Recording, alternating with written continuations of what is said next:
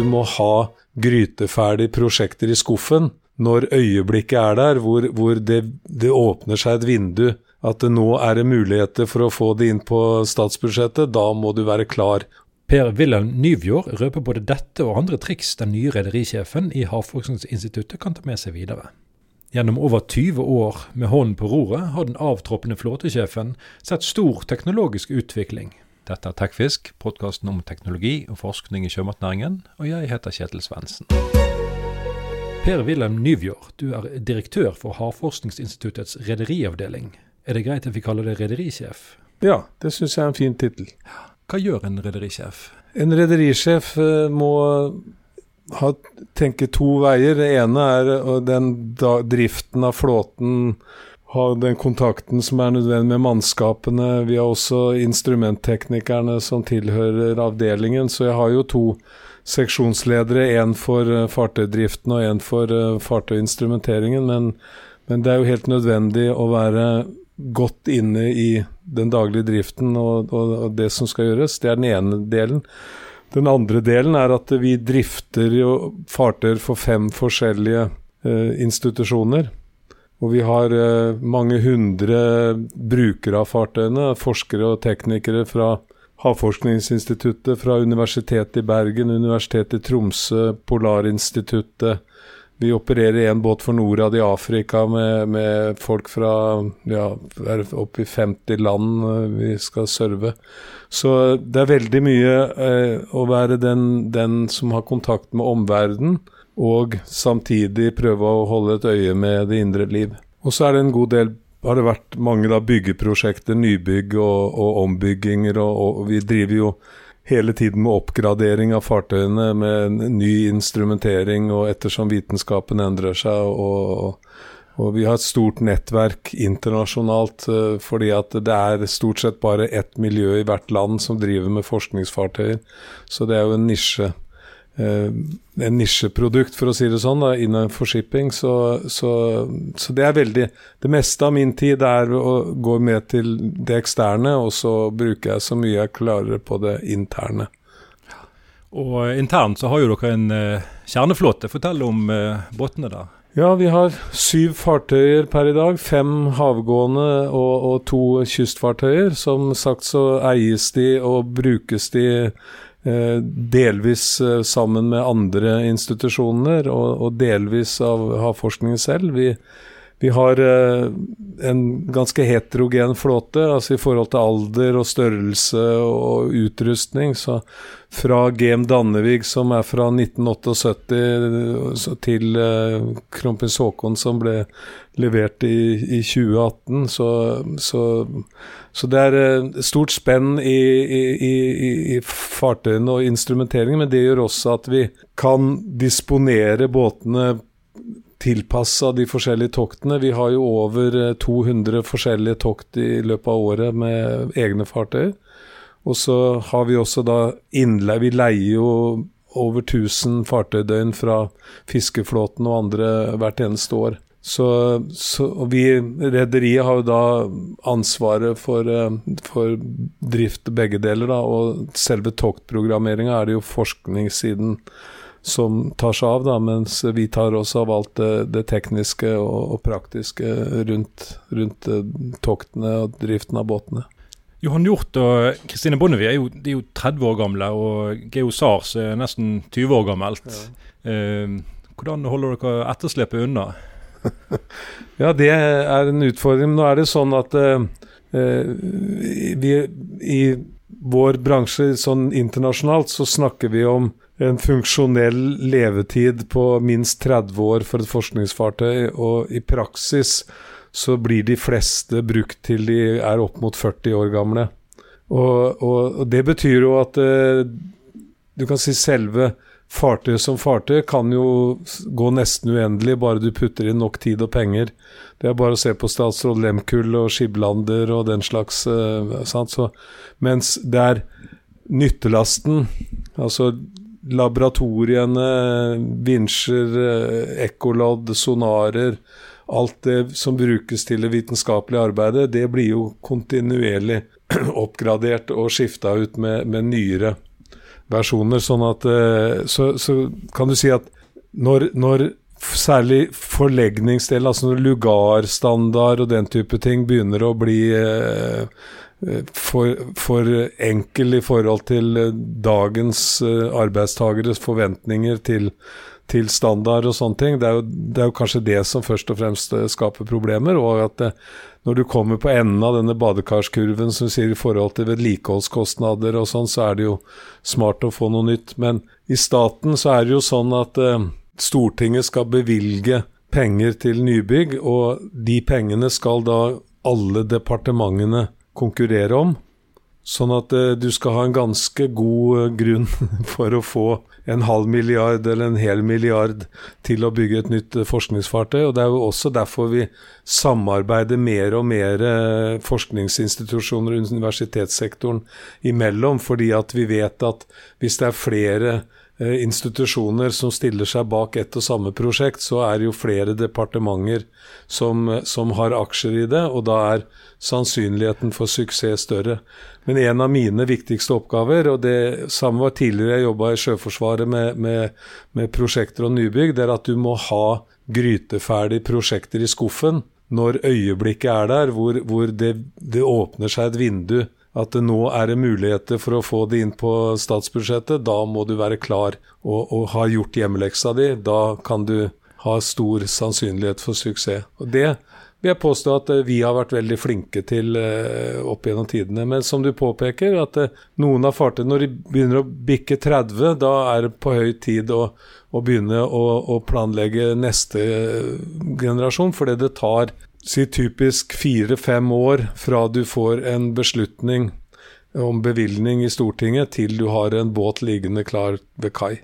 Så, så vi er i gang med å, å, å, å jobbe med, med, konsepter for neste generasjon eh, fartøy, som du nevnte spesielt Kristine eh, Bonde. Vi er vel den som eh, vi håper først å få bytta, og Johan Hjort eh, og GM Dannevig i etterkant av det.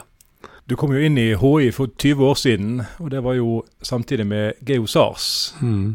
Og du fortalte meg at du fikk en litt frisk start. Ja. Ja, nei, det, det, Jeg ble jo ansatt eh, Eller fikk tilbud om jobben da ved utgangen av 1999, akkurat ved årtusenskiftet. Og da hadde Stortinget bevilget 250 millioner til eh, ny Geosars i desember 99, når de godkjente statsbudsjettet for 2000. Og allerede i januar måned så hadde prisen steget, eller estimatet steget til 400 millioner, fordi at man da hadde inngått et samarbeid med Universitetet i Bergen, og da måtte tegne om båten til også å dekke geologiområdet og osv.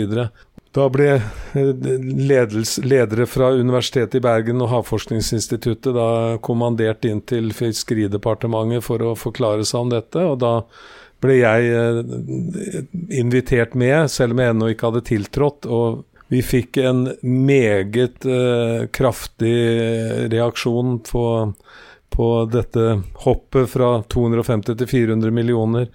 Jeg følte at de som jeg var der sammen med, ga gode forklaringer og alt dette her, men når vi gikk ut derfra, så, så tenkte jeg at dette var, uh, dette var, slutten på det prosjektet. Mens uh, daværende direktør på Havforskningsinstituttet, Roald Våge, som hadde bakgrunn bl.a. som uh, statssekretær i samme departement, idet vi gikk ut døra, så sa han at dette gikk jo bra. Og jeg sier ja vel, hvorfor det? De sa ikke nei i, i, de irrgangene i departementene, så er det det samme som at du har fått en type stilltiende aksept. Så det var min, eh, først, mitt første møte med Fiskeridepartementet som eh, eier og oppdragsgiver, og det var en frisk start. Men eh, jeg må si, det må jeg få til at det, i disse 20 åra så har Fiskeridepartementet med forskjellige fiskeriministre og embetsverk vært utrolig gode eiere for Havforskningsinstituttet veldig proffe, veldig støttende, veldig imøtekommende. og veldig hjelpsomme på alle måter, både i forhold til eh, pros nye prosjekter og nye fartøyer, men også å sikre oss eh, driftsmidler, og sånn at vi har kunnet holde flåten i gang. Flåten har vokst, vi har kunnet vedlikeholde og oppgradere fartøyene hele veien, og i dag har vi en veldig eh, godt eh, utrusta, vedlikeholdt eh, flåte som vi er kjempestolte av. I fjor kom det 160 nye millioner på bordet, delvis som en krisepakke. Nytt forskningsskip og oppgradering av den eldste flåten. Mm. Samtidig så eh, går du ut av stillingen. Ja. Angrer du litt? Nei.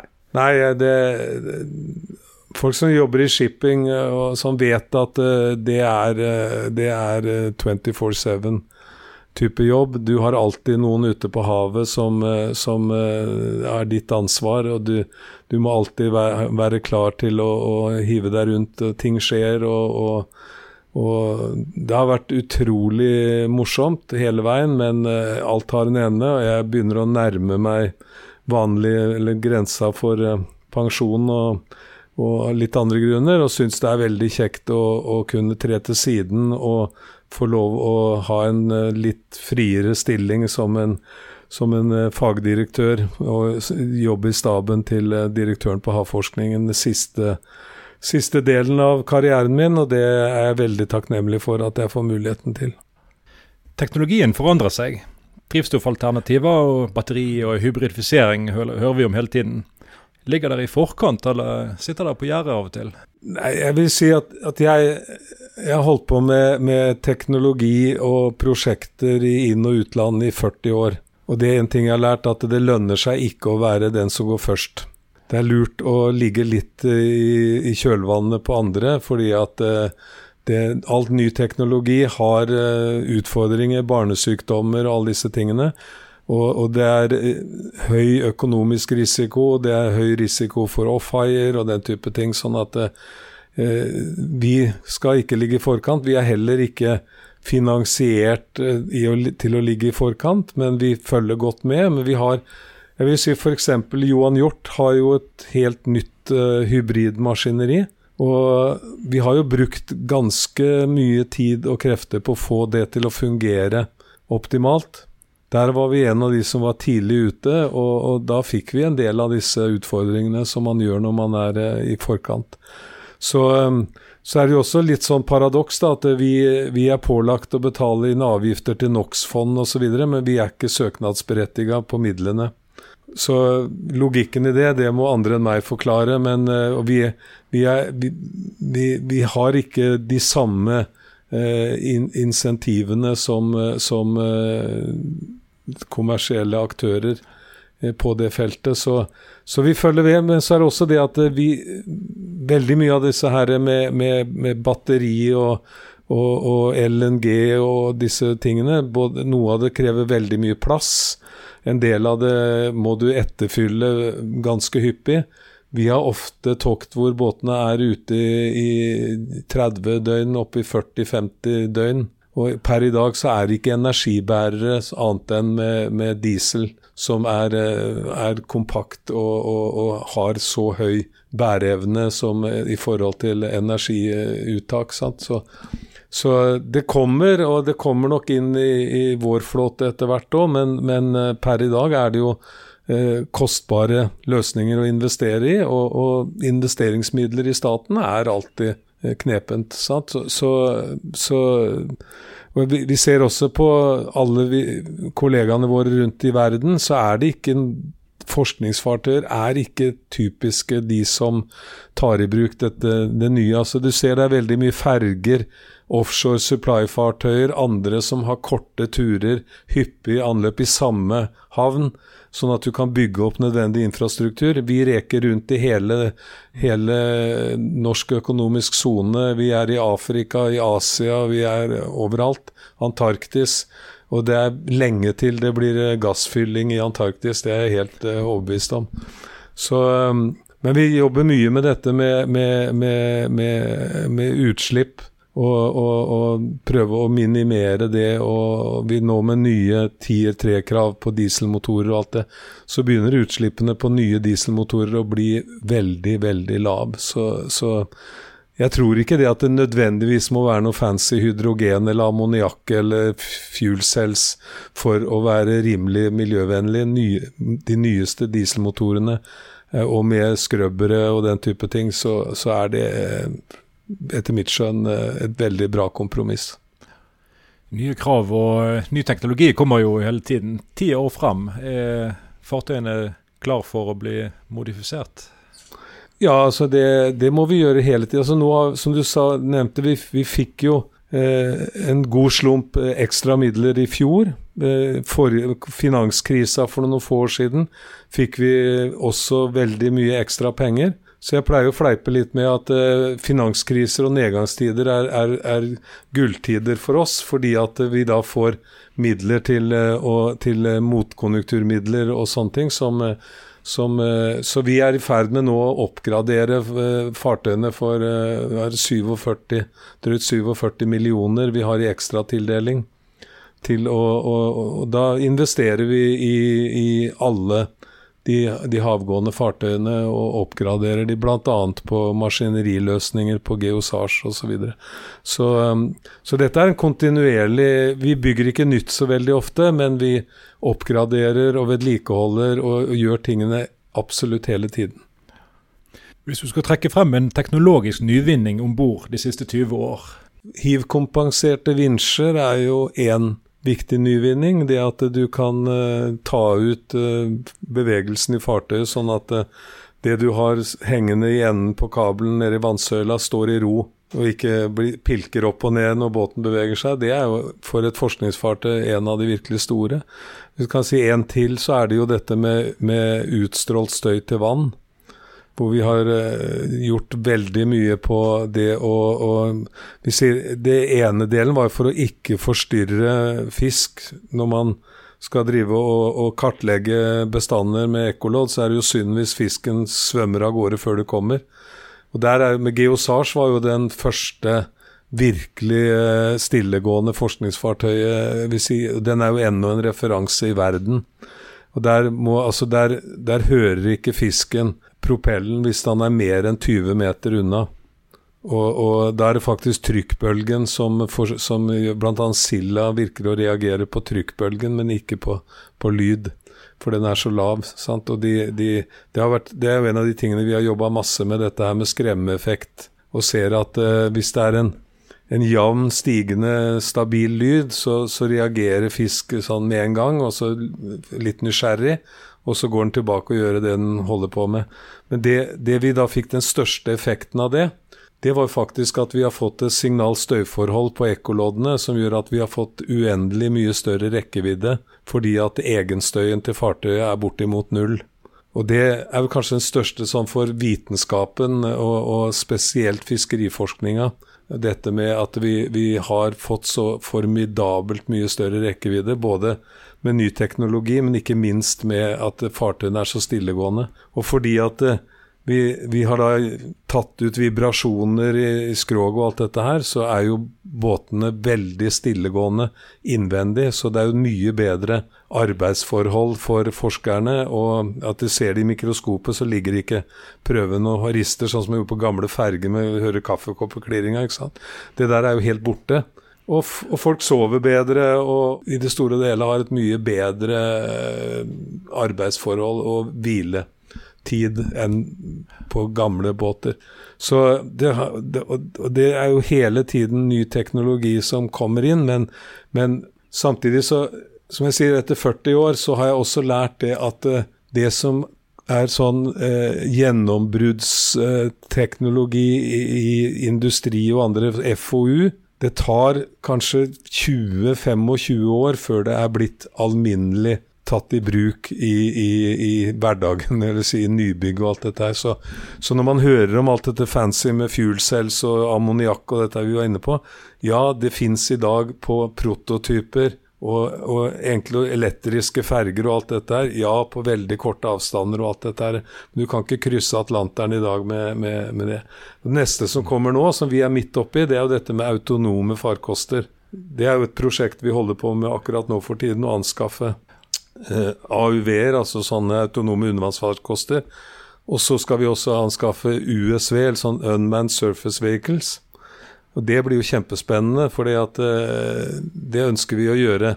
Å bruke i kystsonen. Vi har jo holdt på med det ute på det åpne havet med sånne seildroner og, og den type ting. Men, og det, det fungerer veldig bra, og de er kjempestillegående, veldig gode resultater. Men hvis vi nå skal holde på inne på, på leia i kystsonen, med et ubemanna, fjernstyrt uh, farkoster på 8-10 meters lengde i ti knop som veier et par tonn. Altså Hvis du treffer en Askeladd med noen tyske fiske, fisketurister oppi, så er det katastrofe, ikke sant? Og Det er en helt ny verden, og den skal vi inn i nå i, i, i nærmeste månedene og årene. Det, så det er den neste teknologiske nyvinningen for oss som vi nå er på vei inn i, og som vi da må i de første omgang skal bruke til rett og slett å finne ut av hva kan vi bruke det til, og hvordan kan vi bruke det, sånn at det blir eh, fornuftig vitenskap av det, og at det blir trygt og eh, effektiv måte å samle inn, eh, inn data. Så, så, man ser jo for seg sånne kombinasjoner av et stort overflatefartøy sammen med, med AUV-er som holder på nede i dypet, og USV-er som seiler rundt på overflaten, sånn at man kan ha en større dekning av et område samtidig med flere plattformer og, enn også ha store fartøyer eh, gående side om side. Så det, det, det er litt sånn uh, Toys for boys akkurat nå, men som vi tror at kan bli uh, veldig god uh, teknologi for, for havforskninga. Hva vil de ha å si for de tradisjonelle, store forskningsfartøyene? Der, der, der, kan man sikkert si at jeg er forutinntatt. Men min grunnleggende holdning er at uh, den type teknologi først og fremst er et supplement. Det er, et, uh, det er en, en gap-filler. Det er noe som er komplementært til det fartøyet gjør. Vi hadde akkurat det samme når man begynte med dette med bøyer og strømrigger, og så begynte folk å snakke om at nå trenger vi ikke båter lenger. Så sier jeg men noen skal sette de ut, noen skal hente de opp, noen skal drive service på disse tingene. Og det samme er det med AUV-er og USV-er og dette her. Du kan, du kan helt sikkert eh, etter hvert vil det helt sikkert bli så store som at man har et sånt Sånn som oljeindustrien har, eller oljeservicenæringa, med sånne operasjonssentre på land, og de driver med, med, med inspeksjon av rørledninger og alt dette her helt autonomt, ikke sant? Uten båter i, i loopen. Og det vil vi nok kanskje også se at vi får til for havforskningsformål. Men så er det noe med det at eh, hvis du skal ta prøver og mye av, vi driver, Disse redskapene kan samle inn data i store mengder, men en stor del av det vi gjør, er også å samle prøver, fysiske prøver av havbunnen. Vi borer ned i havbunnen, vi tar lange kjerneprøver av havbunnen. Vi, vi, vi tar fisk for å, for å, å åpne de og se hva de spiser hva de lever av, og hvor, hvor god tilstand de er i osv. Så, videre.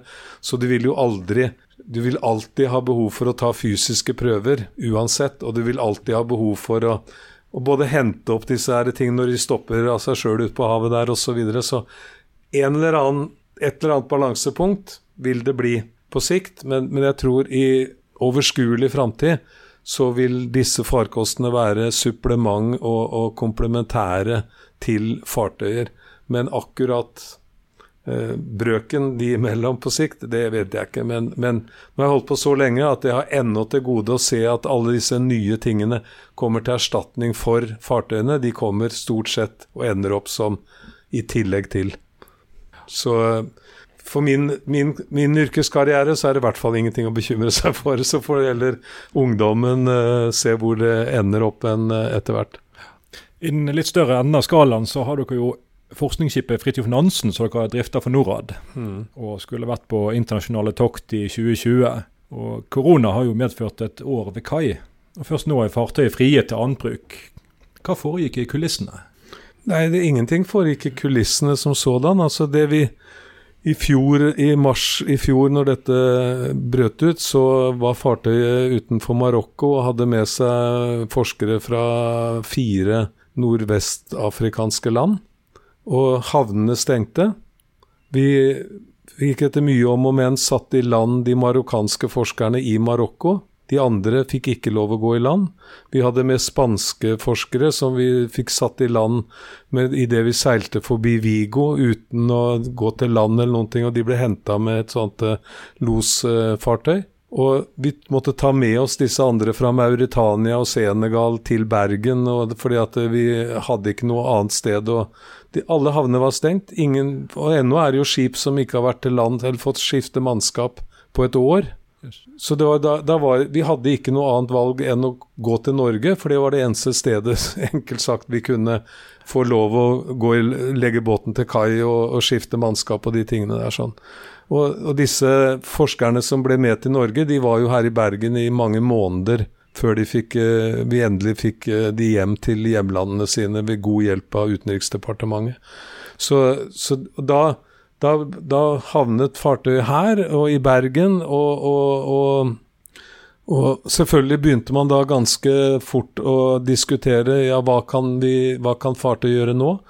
Så er jo det som er viktig når det gjelder dr. Fridtjof Nansen og Nansen-programmet som styres gjennom FAO, altså FN sin Food and Agriculture Organization med hovedkvarter i Roma, at fartøyet er finansiert av bistandsmidler. Det er bygget for bistandsmidler, og det driftes for bistandsmidler. Og det er committa til dette FN-programmet. Og da var det ikke uten videre greit å si at uh, vi kunne bruke det til uh, andre formål her hjemme, fordi at det er noe med jussen og bevilgningssystemet i staten og alt dette greiene som da gjorde at det, det gikk tregt. Da, og I fjor så var vi da midt inne i et budsjettår. Vi hadde laga ferdig vårt toktprogram osv.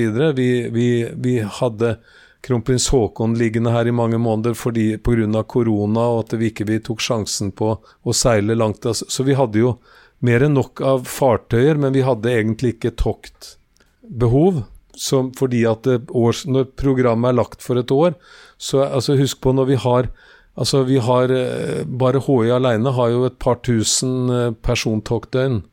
Så det er jo en kjempekabal å, å, å bemanne alle toktene med, med, forskere og teknikere på, og det gjør vi for et år av gangen. Sånn at vi er ikke veldig Vi, ikke, vi kan ikke liksom skifte og lage et nytt program midt i året og hive rundt på folks ferier og arbeidsperioder og alt det der. Det gjør vi ikke. Så det vi gjorde da i fjor eh, sommer, høst, var jo da, da, da startet jo en sånn diskusjon når man skjønte at dette her kommer til å bli langvarig. Med, med, mellom havforskningen, med Norad, med, med bistandsministeren og, og, UD og disse her. Om å si hvor, hva kan vi gjøre, hvordan kan vi, hvordan kan vi få brukt båten til noe fornuftig, og osv. Og, og da, da forhandla man fram en, en leieavtale som gjør at havforskningen nå betaler for å leie båten og dekke bunkersutgifter og andre sånne forbrukskostnader som vi har ved å bruke fartøyet fram til utgangen av mai. Og Det gjorde at eh, i og med at vi alltid har en større eh, behov for tokttid enn vi har båter og, og, og penger til, sånn til vanlig, så, så, gjorde det at vi nå kunne Og vi har jo da Eh, det at vi nå kan da bruke, og bruker Nansen Den er jo på vei opp til Love-feltet i dag og skal nå seile mer eller mindre kontinuerlig til utgangen av mai. Og så skal han da gå til Afrika eller til Las Palmas og starte derfra i midten av juni, hvis koronasituasjonen tillater. Men det gjør at vi får da frigjort masse tokttid på Geosars og andre båter, fordi at vi nå kjører en del av disse toktene våre på Nansen. Og vi og Norad får da dekka en god slump av uh, de, de, kostnadene de ellers ville ha ved at båten ligger til kai. For det er jo sånn at eh, ved å legge disse båtene til kai, så koster det Altså, det, du sparer kanskje 10 fordi at uh, det meste er lønn er 50 Eh, drivstoff er 20% men selv om du ligger ved kai, hvis du ikke ja, kan ha landstrøm, så, koster, så, går det noen kubikk i døgnet allikevel. ikke sant? Og du har havneavgifter, og du har alt dette her. Sånn at det, det er en utrolig bra vinn-vinn-situasjon for begge parter. Og for mannskapet å være ute og gjøre noe på havet som de liker å gjøre. For båten, for maskineriet, for alt utstyr, så har jo det godt av å være i bruk. For ligger det brakk for lenge, så får du jo problemer når du starter opp igjen, ikke sant. Så, så, det har ikke vært noe i kulisse. Dette har vært en helt uh, ryddig, grei, uh, god prosess som bistandsministeren er godt fornøyd med, Norad er godt fornøyd med, og havforskningen er veldig godt fornøyd med. Så, så dette ble en suksess. Det som er den store usikkerheten nå, det er hva skjer i juni.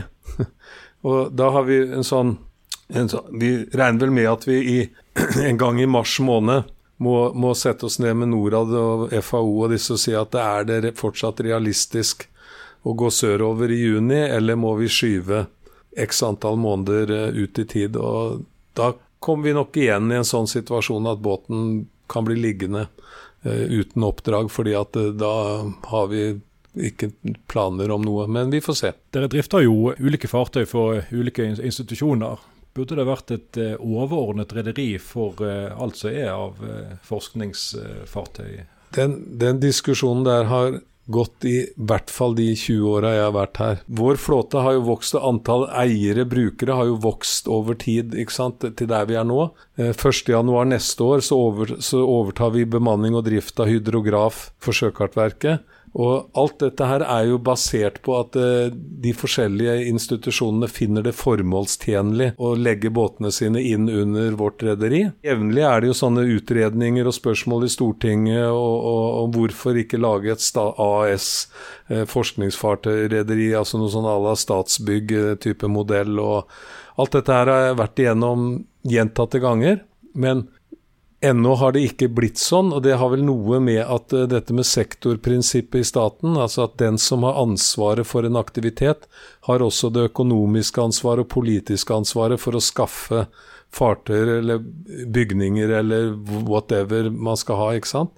Sånn at uh, det at man samler drift og bemanning osv. i ett rederi, er er jo en, ting, men det viktige tenker jeg, og det som jeg tror nok vil fortsette, det er at det eierskapet, og dermed altså det økonomiske ansvaret og alt dette politiske ansvaret for de fartøyene de er eneier av eller deleier av, det skal fortsatt ligge i de respektive departementer og på de respektive ministre. Så, så i, for, for, alle praktiske formål så er det ett havgående fartøy igjen som ikke ligger i vårt rederi, og det er Helmer Hansen til Universitetet i Tromsø, som de håper å få bygge en ny båt om noen år. Så er det noen kystfartøyer som, som er uh, spredd rundt uh, langs kysten, som også eies og drives av enkelte institusjoner. Men også der er det uh, noen av de som er ute med følere om de kan legge sine båter inn under vårt rederi. Men de beholder For det jeg sier at det, det viktige at når eierskapet er spredt, det er at det da er et felles ansvar. Da må alle gjøre sin del for å finansiere drift og oppgraderinger og alt det der. Og da ligger ikke det på én minister som må bruke av sin politiske kapital for å hjelpe andre. Og så er det veldig viktig at, at sånn som vi, altså Havforskningsinstituttet er den desidert største bruker av fartøyer på havet for forskningsformål. Og da er det også naturlig at rederiet er knytta til største bruker. Og for oss å være en del av havforskningen og ha det kollegiale forholdet og alt det der, det er utrolig viktig for rederiet sitt for, for, sin del, for at vi skal ta de riktige valgene, følge At vi, har, vi er tett på forskningen, vi er tett på trendene, hvor, hvilke behov man har, og dermed har vi også god innsikt i hvordan vi bør disponere våre midler i forhold til oppgradering av fartøyer, design av nye fartøyer osv. Så, videre. så det samarbeidet Vi har jo samarbeida med Universitetet i Bergen siden, siden 1.4.2000 gikk vi inn i samarbeid med de på fartøysiden, og det har også vært utrolig nyttig, fordi at eh, hele denne geologibiten som de har, og som havforskningen ikke har, har jo vi da lært og fått god hjelp og, og veiledning fra, fra, den kanten.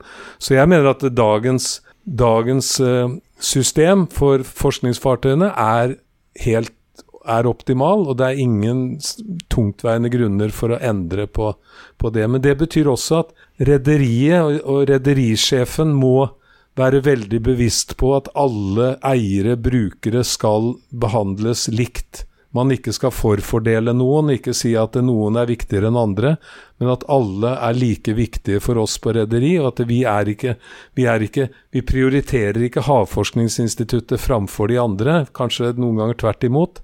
Fordi at det er også noe av styrken vår, at vi er objektive sånn sett, og vi server alle eiere, brukere, forhåpentligvis like bra. Kommer du deg på tokt sjøl? Nei. Veldig lite. Det, det var en, en, grunn til at jeg gikk fra å være skipssjef i marinen til å gå på NTH og konvertere til ingeniør. var for at jeg fant vel ut etter hvert at jeg var mer interessert i, i, i teknologien og bygge båter og tegne båter og alt det der. Så, så, så jeg, har gjort, jeg, har gjort, min tid på, på, på havet, både internasjonalt og i Norge. Så, men noe tokt har det blitt, men uh, korte, og det det, det, det, det er det, har vært kjekt de gangene, men som regel når de går ut, så kommer de ikke tilbake før det har gått to, tre, fire uker. Og, og, det er litt lenge å være, være gjest om bord. Man sier jo det at uh, etter tre dager At det er med gjester som med fisk, ikke sant. Etter tre dager begynner det å lukte. Så, så, jeg tror ikke mannskapet hadde vært så veldig fornøyd å ha meg hengende rundt seg i fire uker sammenhengende. Men uh, det, innimellom har muligheten bydd seg, og det har jeg satt stor pris på. Men også det at vi er her vi er på, på Nykirkekaien i Bergen, hvor båtene går til kai og ligger rundt uh, hushjørnene her, så, så vi jo, er vi jo veldig glad når de er her og kan bare gå rett over kaia om bord og, og, prate med folk og få en gratis god lunsj innimellom osv. Så, videre. så Så det er jo en helt ypperlig, ypperlig plassering eh, sånn sett. Så, så det, det, har vel dekka det behovet sånn i all hovedsak. Men nå snart 21 år i HI. Hvis du trekker frem noe som du er ekstra fornøyd med, som du har fått til? Etter hvert tokt på disse, så, så lager toktlederen en sånn det vi kaller en teknisk toktlederrapport.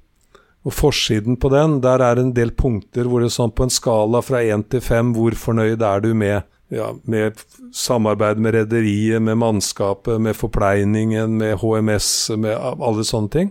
Og da har vi et, et mål, siden vi er ISO 9001-sertifiserte, at vi skal ha minst 95% maks score på disse punktene fra, fra toktene. Og, og, vi ligger altså mellom 98 og 93 maks score på hvor fornøyd toktlederne er. Så jeg får den, egentlig den tilbakemeldinga flere ganger i, i måneden når jeg får disse rapportene og sjekker disse kolonnene og, og ser at uh, og, det står som regel alltid nederst på siste side, så står det 'tusen takk for et kjempeflott tokt' og uh, 'godt samarbeid med mannskap' og alt det der. Og, og det, er, uh, det, det, er vel det jeg er mest fornøyd med. Det er det at brukerne våre er veldig fornøyd. Eierne er veldig fornøyd. Og vi har nesten ikke gjennomtrekk. Det er jo sånn at eh, som for fleip så snakker de om han nye matrosen, for han har bare vært der i 13 år. Så vi er jo en virksomhet på hele HI, og, og på land, på rederi og på fartøyene, at når folk begynner her, så har de en tendens til å bli her til de går av med pensjon. Så vi har eh, Og det sier jo noe om arbeidsmiljøet og arbeidsoppgavene osv. Så, videre. så det er vel kanskje det jeg er mest fornøyd med og, og, takknemlig for, det er at det har vært eh, 20 år med, med, gode kollegaer, gode, flinke ansatte, gode eiere og, og, og veldig, veldig, veldig eh, positivt eh, miljø. Og det er jo ikke minst det at vi, vi har et samfunnsoppdrag som er veldig positivt. Samfunnet har et et godt øye til havforskningen og til det vi driver med. Og, og vi føler at vi gjør noe som er nyttig og viktig for, for, for samfunnet og klimaet og miljøet og naturressursene. Så det, så det, er, det, har, vært et, det har vært og er et privilegium, det må jeg si. Det, jeg er utrolig glad for å ha fått disse mulighetene. Og nå leverer du fra deg en ShipShape uh, rederiavdeling. Har du et godt råd til påtroppen der? Ja, Inge Andrea Utåker har jo delvis samme bakgrunn som meg, å være utdanna på Sjøkrigsskolen og vært MTB-sjef og det, det, og tror Hvis du tar med og det vet, jeg at, det vet jeg at han kommer til å gjøre, gjøre det som vi lærte der, at uh, gå stille i begynnelsen. Gå med store, vidåpne ører. Lytt til folk følg med, sett deg inn i ting før du begynner å, å, å ta, liksom skal begynne å snu og vende på noe og alt det der. Finn, finn, finne ut av hva som liksom er rytmen og, og, og takten i, i virksomheten. Så, så, for det er så mye utrolig dyktige, erfarne folk som jobber her, og som kan sine jobber utrolig godt. Og, og det, men, og det er Han kan helt sikkert det aller meste om det vi driver med sånn. Så jeg tenker alltid at når én slutter, og det kommer en annen inn, så er det en mulighet til å bytte litt på oppgaver, flytte litt rundt på ting, gjøre tingene litt annerledes, så at den som kommer inn, skal bli godt tatt imot av flokken og bli hjulpet inn i systemet. Men, men, vedkommende skal også få lov til å komme inn og si at eh, dette var noe merkelig måte å gjøre ting på, kanskje vi skal prøve noe litt annet. Så det blir jo kjempespennende da, å, å, å, følge med på, på, det. Og det jeg må passe meg for, det er at i og med at jeg ikke forlater instituttet, at jeg ikke blir en sånn backseat driver, som man kaller det, men lar Inge André få lov å styre dette her. Og da tenker jeg litt som som, som uh, leste jeg med, med, Jeg er jo så gammel at jeg var med, hadde en viss uh, deltakelse i forhold til Desert Storm og dette her på, i 1990. Og, og leste biografien til, til, til Schwarzkopf. Hvor han, sa, han ble, hvor han et eller annet sted sa det at de har en tradisjon i US Army at når du forlot en stilling, så ringte du ikke tilbake og spurte hvordan det gikk. Du, du venta til de eventuelt ringte til deg for å spørre om noe. Og det tenker jeg er en god måte. Sånn at når jeg går av, så går jeg av. Med begge to med marinebakgrunn så er vi godt vant til det der at uh, folk kommer og går og bytter stillinger, og man har handover til etterfølgeren og det. Så, så det, det, ser jeg veldig fram til. Det ser jeg faktisk veldig fram til. Så, så jeg går av med, med, med veldig godt fornøyd med meg sjøl. Veldig takknemlig for å ha hatt denne jobben så lenge, men også glad for å, å få gå over i en litt annen, litt annen rolle de siste arbeidsåra. Per Wilhelm Nyvjord, da takker vi hjertelig for samtalen. I like måte. Du har hørt på Tekfisk, podkasten om teknologi og forskning i sjømatnæringen.